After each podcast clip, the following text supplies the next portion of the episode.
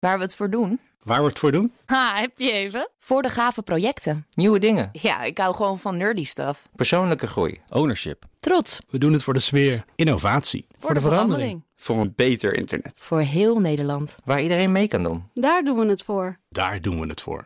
Waar doe jij het voor? Kom werken voor KPN en groei op jouw manier. Check de actuele vacatures op het gebied van data, security, development en networking op jobs.kpn.com/tech. Wetenschap vandaag. En we gaan een klein stukje terug in de tijd. Eind september 2018 was dit het nieuws dat de wereld overging. Now, an earthquake has triggered a tsunami, which has struck a coastal city in Indonesia. Het dodental loopt steeds verder op. Er zijn zeker 844 doden. Authorities fear the death toll will rise as communication is gradually established with more remote areas. Ja, wetenschapsredacteur Carlijn Meinders. Uh, waarom wil je vandaag terug naar precies deze dag? Ja, uh, dit was 28 september 2018 om precies te zijn. Toen werd Sulawesi, Indonesië, geraakt door een zware aardbeving. Eentje met een magnitude van 7,5.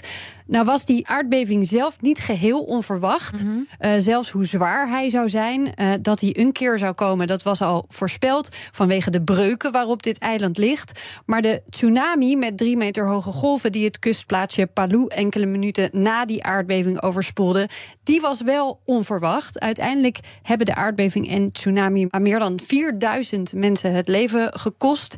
En lang was het de vraag hoe het kon dat de aardbeving gevolgd werd door een tsunami. Mm -hmm. Team onderzoekers onder leiding van de Universiteit Utrecht heeft daar nu na flink wat onderzoek een antwoord op. Waarom was die tsunami eigenlijk onverwacht? Nou, dat zit hem in hoe de breuklijn in de platen loopt en hoe die platen ten opzichte van elkaar bewegen, vertelt aardwetenschapper Taco Broersen. De oostkant van de breuk die wil naar het noorden bewegen en de westkant wil naar het zuiden bewegen. Eigenlijk schuiven die de twee kanten van de, van de breuk willen langs elkaar schuiven. Eigenlijk gewoon in het horizontale vlak, waardoor uh, over het algemeen er eigenlijk weinig bodembeweging omhoog en naar laag uh, te verwachten valt. Dus dat is eigenlijk allemaal bewegingen langs elkaar. Voor een tsunami heb je eigenlijk stijging van de bodem nodig onder zee zodat je daarmee een golf creëert. En omdat die stijging van de bodem niet werd verwacht bij dit type breuk, was er dus niet gerekend op zo'n tsunami eigenlijk. En, en, wat blijkt het dan nu te zijn geweest? Nou, er waren mensen die ervan overtuigd waren dat de tsunami door landverschuivingen was ontstaan, waarbij een stuk land in zee zou zijn gevallen en dat de oorzaak voor de waterbeweging was. Maar Boerse en zijn collega's dachten: waarom heeft niemand nou echt goed gekeken of het toch niet de aardbeving zelf was die het veroorzaakte? En daar vonden ze inderdaad bewijs voor. Wat we ook al op, op land zagen, is dat de breuk is niet helemaal kaarsrecht de breuk verspringt af en toe. Dan gaat hij een, een, paar kilometer naar links of naar rechts. En op de plekken waar de, breuk dat deed, dan krijg je een, eigenlijk een grote bocht erin. En op die bochten zie je juist eigenlijk wel een afwijking van het algemene patroon van, van horizontale beweging. Dus namelijk dat daar wel de bodem uh, naar beneden of naar, naar omhoog gaat. Afhankelijk of de bocht naar links of naar rechts is. Ja, zelfs als de platen dus langs elkaar bewegen, kan het zo zijn dat de bodem omhoog of omlaag kan komen. En betekent dat dat we nu ook heel anders moeten kijken naar dit soort breuken? Nou, er zijn zeker nog andere plekken op de wereld waar je een vergelijkbare situatie vindt. Istanbul langs de zee van Marmara en bij San Francisco in de Bay Area heb je dit soort vergelijkbare situaties. En ja, dit verandert zeker hoe we het tsunami-risico okay. voor dit soort gebieden moeten bepalen. Dus dan kunnen we nu ook beter voorspellen wanneer dit risico het grootst is? Nee, dat is oh. een hele, hele lastige. Dan moeten we eerst de aardbevingen kunnen voorspellen die zo'n tsunami in gang zetten. Onderzoekers weten wel waar de kans dus op aardbevingen groot is. Niet van alle plekken, maar wel van een heleboel. Ook wel ongeveer hoe vaak per jaar eentje verwacht kan worden op zo'n plek.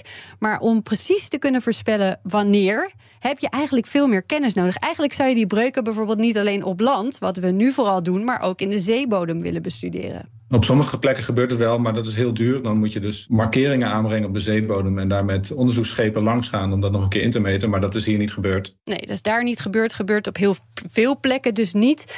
Uh, daarnaast vinden aardbevingen ook weer niet zo vaak plaats. Dus je dataset is eigenlijk veel te klein om echt goede voorspellingen te doen. En dan is er nog iets. Stel, die aardbevingsgolven komen binnen, die worden gemeten. Dan moet je ook nog bepalen waar loopt wie het meeste risico. Je moet meerdere gegevens van, van, meerdere plekken moet je tegelijkertijd interpreteren om te weten, zit ik dicht bij een kleine aardbeving of zitten we ver weg van een, een grote aardbeving? Ja, dus ook daaraan moet nog gewerkt worden om die gegevens zo snel mogelijk, zo goed mogelijk te verwerken. Maar makkelijk is het niet. En eigenlijk hebben we ook gewoon dus nog veel meer data nodig. Maar hadden ze wel genoeg data om te zien dat het in dit geval van Palou door die bochten kwam. Ja, ja onder andere omdat collega-onderzoekers van de TU Delft al zo'n 20 jaar geleden begonnen zijn met metingen doen in dat gebied. Dus al ver voor de tsunami plaatsvond. En hoe je dan die breuken bestudeert. Je zet een GPS-punt vast en die positie blijf je meten. Uh, zo kun je het zien als er iets aan het verschuiven is. Dit gebeurt dus wel op land. Uh, of als zich ergens bijvoorbeeld spanning aan het opbouwen is. Uh, na de aardbeving zijn ze ook blijven meten. En die gegevens konden ze dan weer naast elkaar leggen. Daarmee konden ze modellen maken waaruit dus duidelijker werd wat er nou precies onder die baai van Palu is gebeurd. Ja, we weten het dus nu beter, maar eigenlijk kunnen we mensen er niet beter mee helpen. Nee, nou, uh, we weten beter dat we op bepaalde plekken dus nog veel alerter moeten zijn. Dat, dat die breuken waar die bochtjes in zitten, dat het daar dus ook kan gebeuren. En dat is zeker hele waardevolle kennis. Maar inderdaad, voor we het echt heel goed kunnen gaan voorspellen en mensen veel eerder nog kunnen gaan waarschuwen, ja, daar, daarvoor is nog veel werk te doen. En het is de vraag of we dat überhaupt ooit helemaal goed kunnen. Dankjewel, Carlijn Meinders. Wetenschap vandaag is mede mogelijk gemaakt door Brightlands. Knowledge Crossing Borders. Ook Harm Edens vind je in de BNR-app. Je kunt BNR Duurzaam niet alleen live luisteren in de app, maar ook terugluisteren als podcast, zoals al onze podcasts.